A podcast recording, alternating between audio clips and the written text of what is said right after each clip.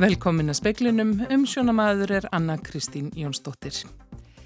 Talið er að rúsa hér haldi um 400 manns í gíslinga á einum stærsta spítalanum í borginni Marjupól. Um 2400 borgarbúar hafa fallið frá innrás Rúslandshers. Orgu yðnaðurinn er óseðjandi og gæti virkað hvern einasta dropa án þess að þykja nóg, saði þingmaði Pírata í umræðu um orguskipti. Umhverfis ráð þeirra sagði aðeins þess virði að ráðast í frekari orkuöflun ef hún yrði nýtt til orkuskipta innanlands. Helbriðis ráð þeirra hefur ákveðið að taka frumvarpum réttindi sjúklinga afturinn í ráðnettið. Hann segist vera breyðast við ákalli alþingi sem aukið samráð við notendur helbriðistjónustunar. Söngkonan Dolly Parton hefur afþakkað tilnefningu í frægðarhöll Roksins í bandarækjunum og Rokkstimpillin eigi betur við aðra að hennar mati og það þarf að kafa dýpra til að finna ástæður mikil sprottfalls nefnda af erlendum uppröðun og framhaldsskólum hér á landi, segir forstöðumöður fjölmenningarseturs. Borgarstjóri Mariupól segir að rúsneskir hermenn haldi starfsfólki og sjúklingum á einum stærsta spítala borgarinnar í Gíslingu. Flutningur fólks úr borginni held áfram í dag. Sergei Orlof, borgastjóri Mariupól, segir rúsneska herrmenn halda starfsfólki og sjúklingum á spítalænum í borginni í Gíslingu. Þeir minnst að 400 mann séu læst inni á spítalunum. Mannreitinda samtök á svæðinu segir rúsneska herrmenn skjóta á alla sem reynið að komast út af spítalunum. Um 2000 bílar hafa nú komist út úr ukrainsku borginni Mariupól. Borgin hefur verið í herkví rúsa í rúman halvan mánuð. Fyrstu bílarnir komist út úr borginni í gær og í dag heldu fólksflutningarnir áfram. Brot rúsahers að bóðu vopnallíi hafa hingað til staði vegi fyrir því að fólk kemist að brott. Það er ástandu orði verulega slemt, matur og vatnir af skortnum skamti og mjög víða rammakslust. Bílalestum 2000 bíla til viðbútar býða nú við borgarmörkin eftir því að komast út úr borginni. Stjórnvöld segja hefði minnst að 2400 borgarbúa hafa fallið síðan rúsaherr náði borginni í herkví fyrir rúm hálfu mánuði. Í Mariupól býr tæplega hálf miljón. Árásir halda sömuleiðis áfram á höfuborguna Kiev. Borgastjórin Vítali Klitkjó fyrirskipaði morgun 35 klukkustunda útgöngubann í borginni. Útgöngubanni tekur gildi klukkan 8 í kvöld og gildi fram til klukkan 7 á 50. morgun. Borgarbúar mega þá engöngu vera á ferli til þess að koma sér í neðanjæðabyrgi. Rúsar hafa varpað sprengjum á nokkur íbúðrús í borginni síðustu daga. Birta Björnsdóttir sagði frá. Jens Stoltenberg, framkvæmdastjóri Allandsháms bandalagsins, saðist í ávarpi í dag óttast að stjórnvöldi í Rúslandi myndu grípa til efnavopna í stríðun í Ukrænu. Stoltenberg segir að ekkert hafi verið að marka yfirlýsingar rússa síðustu vikur þeir hafi sagt að þeir ætlið ekki að ráðast inn í Ukrænu en svo svikiða. They claimed they did not plan to invade Ukraine, but they did. They claimed they were withdrawing their troops but they sent in even more. And we are concerned Stoltenberg sagði að stjórnvöldi í Rúslandi hefðu líka logið til um áformum að draga úr herliði sín á sveðinu. Nú óttist NATO að stjórnvöldi í Rúslandi réttlæti frekari hernaðaraðgerðir á fölskum fósendum mögulega með því að nota efnavopn. Það verður að forgangsraða orku til orkuskipta, saði þingmaður Vafge í umræðu um orkuskipti á alþingi í dag. Um hverfis orku og auðlindar á þeirra sagði ef ráðistyrði frekari orkuöflun væri algjörum forgangi að nýta hana til orkuskipta innanlands. Eva Dögg Davíðsdóttir var að þingmar vinstri græna átti frumkvæðað umræð og alþingi í dag um orkuskipti í þáu lofslagsmála og sjálfbarar framtíðar. Orkuframleyslu á Íslandi er svo mesta í heimi á hvern íbúa. Það fælst í þeirri staðarind að 80% af raforkuvinnslu á Íslandi er notið í orkufrekan yðna á meðan um 20% eru til almenna notkunnar og fyrir minni yðnað og fyrirtæki. Það er því ljóst að það eru mörg sóknarfæri í betri nýtingu á orkun okkar. Í mínum huga er ljóst að það er í algjöru forgangi að ef við ákveðum að fara í frekari orkuöflun og nýtu til þess íslenska auðlindir þá verður við að stula því að það nýtist til okkar eigin orkuskipta.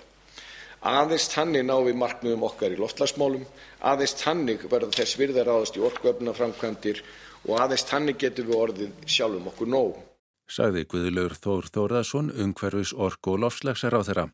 Þórun Sveinbjarnadóttir, samfylkingu, sagði skorta umgjört til að tryggjað arðurinn af nýtingu orkuðlinda lendi hjá landsmönnum og að þeim væri treyð orka. Stundum er talað um orkuskort hér á landi sem er held ég gert til þess að afvega leiða umræðuna um raforkuöflun. Já, við tölum bara óskorað um orkuskipti án þess að ræða það hvert þau eiga að fara, þá stöndum við frammi fyrir gífurlegum vanda vegna þess að orkuiðnaðurinn er óseðjandi. Hann geti virkjað hvern einasta dropa sem drýpur á Íslandi og það myndi ekki dugunum. Sæði Andrés Ingi Jónsson Pírati. Ágústa Ágústóttir var að þingmar miðflokksins sæði mikinn úrgang vera frá vindmjölum og áhrif þeirra á umhverfið slæm. Það er einn sári sannleikur að umhverfisvend hefur lítið að gera með að bjarga umhverfinu því menn eru allt of viljagir til að fórna umhverfinu fyrir hugmyndafræðina eina. Og þarna heyrði síðast í ágústu. Ágústóttur Brynjólfur Þór Guðmundsson tók saman. Landsréttur þingdi í dag dóm yfir Ali Conte úr tveggjára fangelsi í tveggja og hálsársfangelsi. Conte var sakveldur fyrir nögun. Af dómi landsréttar má ráða að refsing hans hefði verið þingri ef ekki væri fyrir það að rannsókmálsins lág niðri hjá löguröglu í um 15 mánuði. Ali var sakveldur fyrir að nöðga konu á heimilisínu í september árið 2018. Viljum Þór Þórsson, heilbreyðisráþara, hefur ákveðið að taka frumvarpsitt um réttindi sjúklinga afturinn í ráðunittið og kallaða borðinu alla umbjóðundu sjúklinga og notendur til aukinn samráðs. Frumvarpið hefur sætt gaggríni ekki síst fyrir skort á samráði. Formaður geðhjálpar gaggrindi það í kvöldfréttum í gæra ekkert samband hefur haft við notendur heilbreyðistjónustu. Hins var ákallið hér í fyrstu umræðu í gæra að kallað eftir mjög skýrt auknu samráði sérstaklega sjúklingahópa og nótenda og við því ætla ég bara að bregðast. Þannig að um leiðu ég legg uh, frumvarpið fram til að bregðast í ábendingum úr skýslu umbósmanns alþingis þá hlusta ég líka á þingið og ætla að taka uh, málið tilbaka í raðanundið og, og, og bregðast við þessu og og kalla alla umbjóðendur sjúklinga og notendur að borðinu í, í auki samráð. Viljum segir þetta ekki hafa verið erfiða ákverðin. Það hef ekki verið sérneitt kappsmál að keira frumvarpið í gegnum þingið.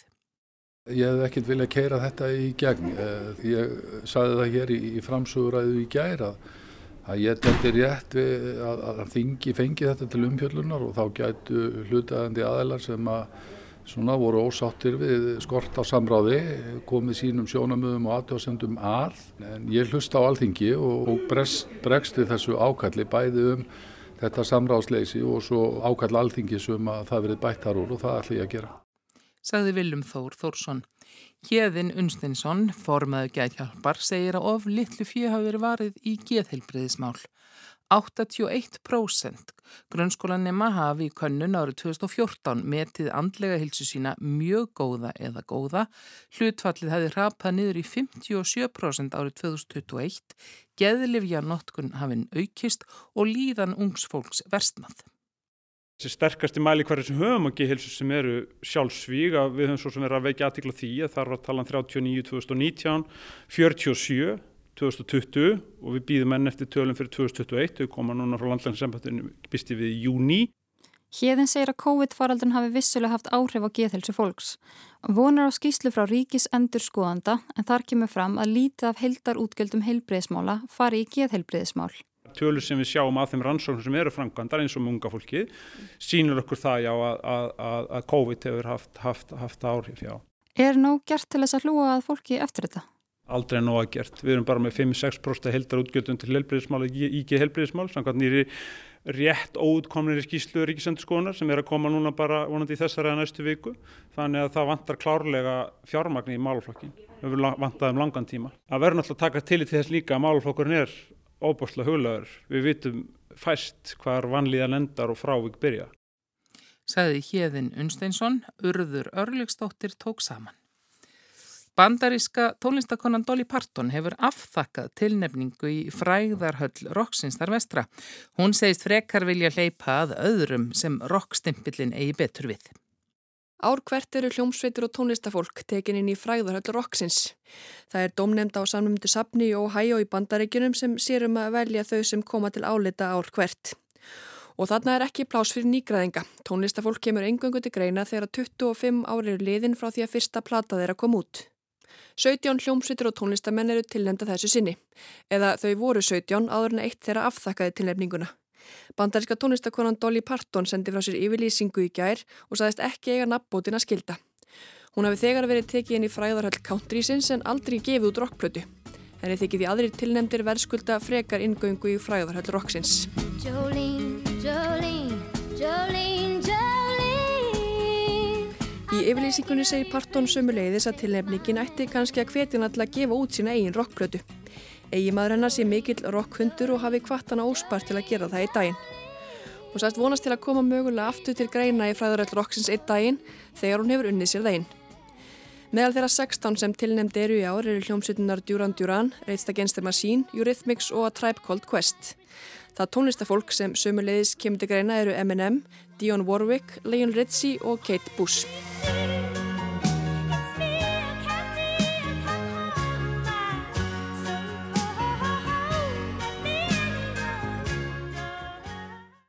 og þannig heyrðum við auðvitað síðast í Kate Bush, Birta Björnsdóttir sagði frá. En gul veðurviðvörun tekur gildi fyrir allt vestanvertlandi í fyrramáli það er spáðst dimmum jæljum frá því snemma morguns og fram á kvöld og veðurverður vond á fjallvegum.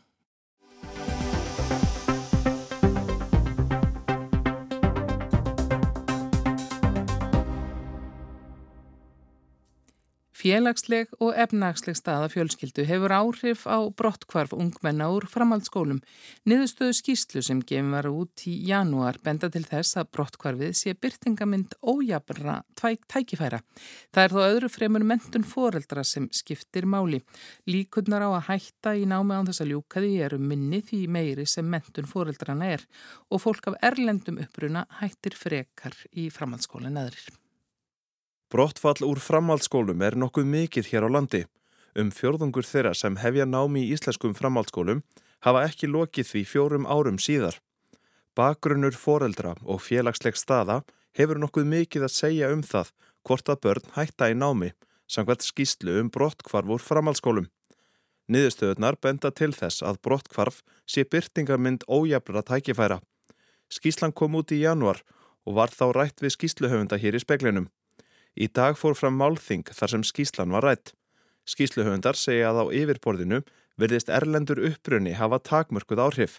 Nánari eftirgrænslan hafi leitt í ljós að ungmenni sem fættust erlendis og eiga báða foreldra fætta erlendis búa við auknar líkur á brottkvarfi. Meðal þeirra sem fluttu erindi á málþinginu í dag var Nicole Líf Mósti, forstuðumar fjölmenningasettus. Við rættum við hana í dag og spurðum fyrst hvernig skíslan kemur henni fyrir sjónir um, ekkert kemur mér óvart. Það er ímislegt, þetta er mér flott að sjá hérna tölfræði setja fram og, og hérna uh, rýnd í eins og þau eru. Það segja okkur kannski aðeins meira um hlutunum en að mínum að við þurfum að kafa dýbra og við þurfum að kafa í hérna, markþætt hlutur sem snýst að því að vera hérna, fjöltingt einstaklingur, að vera af erlendum uppruna og bara hvernig mendinakerfi okkur hérna, við horf þeirra til þess hóps. En er kerfið, tekur það nú vel utanum þá sem að flytja henga til hans? Ég held að við, við þurfum að segja satt sem er að kerfi gera það besti sem það getur og það reynur og það er fullt af frábærum verkefnum á vegum fullt af grunnskólum, framhaldsskólum og leikskólu þar með hérna, og, og jáfnvel þegar við hugsaum um fulldornafræslu líka vegna þess að mendinakerfi hún, hún spílir sem held og við horf foreldra til mendin sem eru kannski að sækja íslenska kennslu þegar þau koma, það hefur áhrif á hérna, við horf barna í skólanu til íslensku og mentakerfi og, og annað. Svo að ég, ég held að við erum að gera það best sem við getum en við þurfum að gefa í. Mm -hmm. Það segir í skýslunni að ungmenni sem fættust erlendis og eiga báða foreldra að fætta erlendis búa við auknar líkur á borottkvari. Hvers vegna er það? Það er, það er svo margþætt. Það eru svo mikið sem, sem fellar þar inn. Uh, þegar ég gerði mesturs rannsók þá hérna um það byrju 90% af þeim sem hérna, svaraði könnun voru ekki alveg á þau hvort þau ætla að vera áfram á Íslandi eða ekki. Og það hefur áhrif á hversu mikið þau gefi í, í hérna, nám barna. Og, og ég myndi vilja að við horfa mjög mikið á þetta samspíl á milli heimili og skóla. Og hvernig við getum betur stiðja fjókskittan og heimilið sem heilt í hag barsins innan okkur mentunakerfi. Uh, ég til dæmis sem fórundra velendum uppurna sem kann halveg íslensku og les og ritt og bara allt hef erfitt stundum með að aðstóða börnum mínum hérna, þegar þau eru að vinna heimann á. Ég skil það sem ég lesa, þetta er svo fjari það sem ég læriði og hvernig ég læriði. Hérna, svo, svo það er eitthvað sem við þurfum að gera og þá erum við með fóröldra sem koma hérna til landsins og kannski hafa ekki tök á íslensku. Hvernig eru þeim sett við að hérna, lusta á barnið Uh, lesa í grunnskóla eða hjálpa þeim með norðurlandafræði þegar þau koma frá hérna, kannski Kína eða, eða annar staði þar sem þau, þeir grunnþekkingu er eitthvað allt annað og við þurfum að finna leið til þess að styðja þeim í þeirra hlutverk sem foreldra og stuðningsmanns barsins hérna samliði því að styðja við barnið innan mentakerfi. En þyrti þá að breyta námsefninu eða fá foreldra einmitt inn í skólastarfi í auknum mæli eða hvað sér þið fyrir? Við, við þurfum, það er, það er náttúrulega margsfíslega leiðina þess en fyrst, fyrst og fremst við þurfum að gefa rosalega í hérna kennaramöndin. Kennara þurfa að mæta til leiksins með þekkingu á hérna, fjölbreytið kennslaðferðir og sístik aðferðir í hérna kennsla við þeim sem tala fleiri en eitt tungumál og það sem við kallum hérna, milli menningsfræsla eða intercultural competencies til þess að geta vinna með foreldra og börn af erlendum uppruna. Það er hérna, þau þurfa að mæta og veru bara tilbúin í slag, ekki þetta þurfa að sækja símendin eða í sumum skólum er, er frábært fólk að vinna mikið þar en þá er þetta svolítið einangröði þeirra starfið og við þurfum að huga að hlutunum eins og til dæmis hérna, þegar hlutfalt af erlendur nefndur er, er mér hátt innan eitt skólabekk eða innan eitt hérna, skóla, hvernig við getum betur stíði við það skóla bæða félagsleg og hérna hvað varðu mendina, við erum að rétt stuðugildi sem vinnir í kringum fjókskittina og barna sem heilt. Mm -hmm.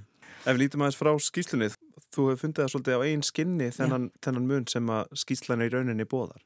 Já, við lítum bara í gegnum skýslan í heldinni og, og svo þá með sílsagt til þetta til, hérna, þetta er í fjórðakabli um hérna börnavelendum uppruna, þá er hérna ég með dóttur eða börn sem er, er, er, er tvítingt, aðra fóreldra íslensk aðra fóreldra af hérna erlendum uppruna og þau eiga fullt af vinnum sem eru með báðu fóreldra sem er af erlendum uppruna og ég hugsa bara og talaði um það í dag um besta vinkona dóttu míns. Þegar við fyrum eftir upplýsingur sem kemur fram í þessi skýrslu, er dreyma báður að fara saman í framhaldsskóli. Það ætla að útskrifast úr FB og fara út í heiminum og vera listekonar. Og hérna, ef við lítum á það tölfræði eins og það stendur í dag í skýrslan, þá mun dóttur mín kannski klára framhaldsskóla og geta haldið áfram að vinna það. Og hérna, það er ekki nóg gott. Mm -hmm. það er alls ekki nóg gott að hérna, maður upplifir sér kannski dæmdu frá upphæfi og eitt sem hérna, ég tók sérstaklega fram í dag eitt sem er upplifiði í samtal með vinkonu mín og ég mæli með að allir horfa hérna, þættir sem var á Kasli og 17. februar það var hérna, viðtal með vinkonu mín Pat sem er móður hérna, stelpan minns. Og hún segir að I've been fighting for my daughter since she started school. Það eru búin að vera saman hérna, síðan leikskóla aldur ég hef aldrei upplifið baróttu með mentunakerfi ég hef upplifið hérna, stuðning og ég held að það stærsti er það að ég tala íslensku Það er auðveldur einhvern veginn að hugunum hjá kennunum að eiga samskipti við mig en það er alls ekki satt vegna sá endinum. Við erum báðu fóröldra sem elskar börnum út á lífið. Við viljum að þeir komast í gegnum FBS saman og sigra heiminum svo að það er engin aðstæður fyrir samstarfi á milli heimilis hennur og heimilis mitt að vera eitthvað öðru þessi. Þannig ég laka til að sjá hérna hvað verður hérna úr þessa skýrslu, hvað aðgerður verður farið í með til þetta sérstaklega til þess hóps. Nikol Límósti, takk hjá það fyrir kominni speilin. Það var Bjarni Rúnarsson sem að rætið hérna við Nikol Límósti sem er forstuðumæður fjölmenningarseturs. Verðbólga mælist nú 6,2% og hún er meir en verið hefur um áratuga skeið. Því er spáð að hún verði mikil út árið þið minsta. Verðbólgan hefur meðal annars verið drefin áfram af hækkunum á húsnæði hér enn lands en líka af hækkunum á ráföru út í heimi og flutningskostnæði. Nú síðast raug svo óljuverð upp vegna stríðsins í Úkrænu þó að það hafi hjáðna nokkuð aftur. Horfur hér heima litast að því að óvissan er mikil um hvernig málum vindur fram á alþjóðavettvangi. Þetta færir okkur enn og aftur heimsannin um hver samtvinnaður heimurinn er orðin ekki síst í viðskiptum. Katrín Ólastóttir er lektor við viðskiptafræði deilda háskólan Sýri Kjauk. Viðskipti eru náttúrulega um allan heim og með þessum uh, svona þróunni síðust áratuga það er að segja að þegar við gungum í ES-svæðið og, og, og Európusambandi styrkir sín bönn sín á milli og það er frjálst flæði þar á milli og þessi viðskiptasamningar við starri ríki og, og ólíja, eh, margir kaupa ólíu frá, frá Rúslandi bara heimurinn er miklu tengdari heldur hann var áður. Óvissan er mikil þegar við sjáur erum með þjóðum en hvernig er útlitið hér heima næstu misserinn? Grunnhagkerfið bara stendur afskaplega vel. Við erum að það er að aukast atvinna hér, það er að aukast hérna, er svona bara, við förum að nálgast þenslu, við erum kannski ekki alveg komið þangað en við erum á leiðinni þangað. En það sem eru merkinni eru náttúrulega háverðbólka og hún er há nú þegar, mælti 6,2% í, í síðasta mánu og það er því miður engar horfur á því að verðbólka færi lækandi einmitt af þessum ástæðum. Ólíuverð fer hækkandi E, það hefur þá áhrif að það að, að elsneitisverð hækkar, e, flugmiðar væntanlega hækka og svo framvegist. Þannig að þetta mun allt á endanum koma fram í, í, í vísutölu nýsluvers. Oljuverðið eins og áðurstaði þaut upp í síðustu viku þó að það hafi aðeins lækkað síðan en í því koma fljótt fram merki um tvísinu. Það er svona kannski það sem að fer fyrst af stað við innrás rúsa inn í Ukrænu þá myndast þessi gríðarlega óvisa þetta er eitthvað sem að, að fólk átti eða margir átti ekkit vona á og þá bara skapast gríðarlega óvisa og það kemur þá fram í þessu. Og oljan er náttúrulega gríðarlega mikilvæg í hernaði þannig að þá er spurningin fer oljan þá til eitthvað annars eða fer hún mun rúsa nýta sín eigin olju og síðan eru þessa viðskiptaþingarnir sem koma í kjálfarið þannig að þetta er svona fyrstu merkin sem við sjáum og því sjáum þau náttúrulega bara algjörlega samdögus Oljuverð það rauk upp, það hefur lækkað aðeins aftur það er raunin að hætta að hækka og aðeins lækkað aftur. Þetta er kannski meira bara minni óvisa. Kannski já, okkur hættir til að fara svolítið yfir strikið til að byrja með. Þannig að þetta ég held að sé fyrst og fremst endur spekli minni óvisu. Það er að segja, það er viðskipt að þingarnir ná ekki yfir ólju. Bandaríkjumenn hafa reyndar ákvað að hætta að kaupa ólju. Ólja fyrir enþá til Evrópulanda. Þannig að ég held að svona aðeins, e, svona þegar ríkið fyrir að setjast á, á þetta, þá svona aðeins mingar þessi óvisa. Annað sem að menn hafa miklar ágjur af í tengslum við stríði það er matvælaframverð og matvælaframleysla bara í heiminum öll. Já og það er eitthvað sem við horfum á allavega á næstunni. Það er að segja að það er gríðarlega matvælaframleysla í Úgrænu bara í sjálfu sér.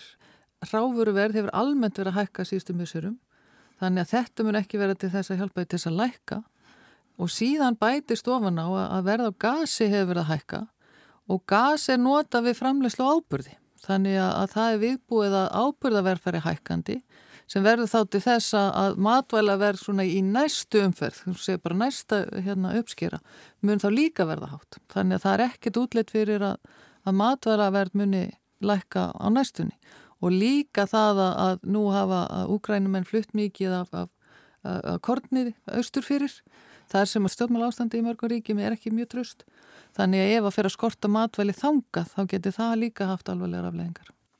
Og Katrín óttast að þetta verði ekki bara skamtíma áhrif í matvæla og ábúröðverði heldur sér viðbúið að hækkanir haldi áfram.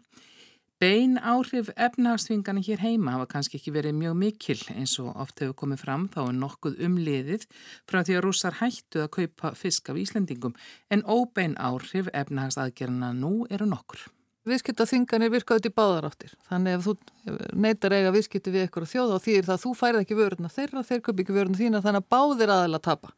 Þannig að það, það, við erum að taka það nummer eitt. Þetta er auðvitað áhrifin er alltaf mest í byrjun. Auðvitað finna, finnur fólk leiði framhjá það er bara mannlega eðlið að finna aðra leiðir finna aðra viðskiptafélaga og við vitum eða svona það er svona spurningin hvað Kína gerir. Það, þeir eru náttúrulega svolítið óskrifa blaði eins og er en þeir eru ennþá í viðskiptum við rúsa og engin, engin, eh, ekkert, engar horfur á því að, að þeir hætti því og það eru þetta aðra þjóðir sem að eiga viðskiptu við rúsa þannig að þetta er náttúrulega fyrst og fremst Európa og bandaríkin sem að, að eru með þessar viðskiptaþinganir en eins og ég segi það er áhrifið mest fyrst en þau munu minga eftir því sem á líður ef að þetta verður eitthvað, eh, þetta tímabil heldur áfram. En ef við horfum hingað aftur heim, við byrjum að tala um oljuverðið og það getur náttúrulega haft áhrif á flugmiða. Við höfum voðalega mikið hort til ferðamennskunar í, í hennum mikla vexti sem hefur þó orðið og, og hraðari heldur með byggustið eftir COVID og, og mikla væntingar sem er gerðu um næstu mánuði í því. Það gæti það ekki haft einhver áhrif? Það er alveg viðbúið að það muni hafa einhver áhrif, bæði ef að hérna, verða á, á, á farmiðum hækkar og líka bara almenn óvisa í heiminum þannig að ef að eitthvað breytist í þessu stríði breyðist út eða, eða hvað sem getur gerst all, öll þessi óvisa verður auðvitað til þess að fólk ferðast þá, þá síður. Þannig að það er alveg viðbúið að eitthvað muni sjást á því, ég veit ekki hversu mikið það er engilega að segja til um það. En þannig að við erum með þessa tvo þætti. Annars vegar væntanlega hærra, dýrar að fljúa enga og síðan þessi óvisa sem er bara í heiminum öllum. En er ferðamennskan en þá stóra smálið í sambandi við viðsnúning í Íslensku atvinni? Sko það sem gerist alltaf eftir kreppur og það kemur eitthvað nýtt, það breytist eitthvað. Vinnumarkað fyrir kreppu og eftir kreppu er, er, allt, er ekki sami vinnumarkaðarinn. Þannig að það er alveg viðbúið eitthvað breytist. Í dag getum við ekki sagt hvað það er. Ferðamennska var náttúrulega ógsgríðarlega eftir síðustu kreppu. Ég held að það sé ekki ástæðilega ætla að að dræst saman einhverju svona miklu frá því sem að fyrir var eitthvað, það, hún var byrjað að draga sama fyrir COVID þannig að það er alveg viðbúið það, hún verður áfram stór. En hvort að breyt, bætist eitthvað við, það held ég sé alveg alveg uh, mögulegt í stöðin eins og er. En er það viðsnúningunum sem þó hefur orðið á hagvöxtur sem nefndir hérna, er það samt vegna þess að ferðarþjónustan hefur rétt við fyrir heldur en alltaf mættið eða eitthvað annað? Ég myndi segja að þetta væri bara svona almennt í hagkerfinu, það er almennu, almennu vöxtur bæði í ferðarþjónustu og annars þar, það er eins og segja, raun hagkerfi stendur afskaplega vel, það er bara bara stendur á förstu fótum og stendur vel. Þannig að það eru þessi hérna, verðáhrifin sem að er að, að rekja okkur eins og er. En þú talaður um verðbolgu, þenslumerki svo er kjara samningar lausir stóri samningar og mar margra í haust, hvað gerist þá? Kjara samningar eru náttúrulega stórspurning og það er náttúrulega gríðarlega mikilvægt að útkomi góði kjara samningar í haust og þá meina ég fyrir hækjurvið í heild Þannig að það er, já, það er stóra spurningin, Hva, hvað verður þar? Vonandi verða þeir á svona þeim nótum sem að haggjur við þólir. Það er auðvitað kröfur um háar, háar launahækkanir vegna þess að verðbólgar há. En því hærri sem að launahækkanir verða, því meiri verður verðbólgan þá á eftir. Þannig að þetta er svolítið svona, ekki á hænandæmi sem er svolítið erfitt að eiga við. Saði Katrín Ólastóttir, dósent við Háskólan í Reykjavík. Og veðurhorfur á landinu til miðnætti sannað kvöld eru þær að það veru suðvestan strekkingur á morgun með jæljum og vægufrosti.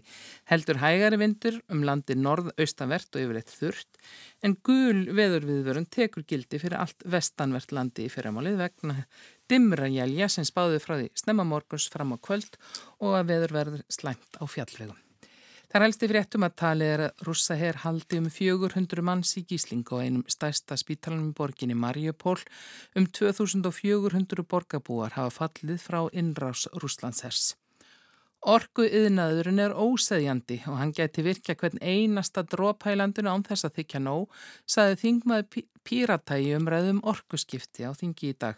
Umhverfis ráð þeirra sagði aðeins þess virði að ráðast í frekari orguöflun ef hún erði nýtt til orgu skipta innanlands. Heilbreyðisráð þar hefur ákveð að taka frumvarpum réttindi sjúklinga aftur inn í ráðnettið. Hann segist þar bregðast við ákalli alþingi sem aukið samráð við notendur. Og það eru mörg dæmi um hækkun árslauna forstjóra fyrirtækja sem nema margföldum árslaunum eblingarfólks á algengum taksta. Mesta hækkunin milli ára vorum fimmföld árslaun eblingarmann sem það varu fjalluðum forstjóralaun í sjónvarpsréttunum sem byrja klukkan sjö. En fleira er ekki speklinum í kvöld. Tæknimaður var Jón Þór Helgason. Veriði sæl.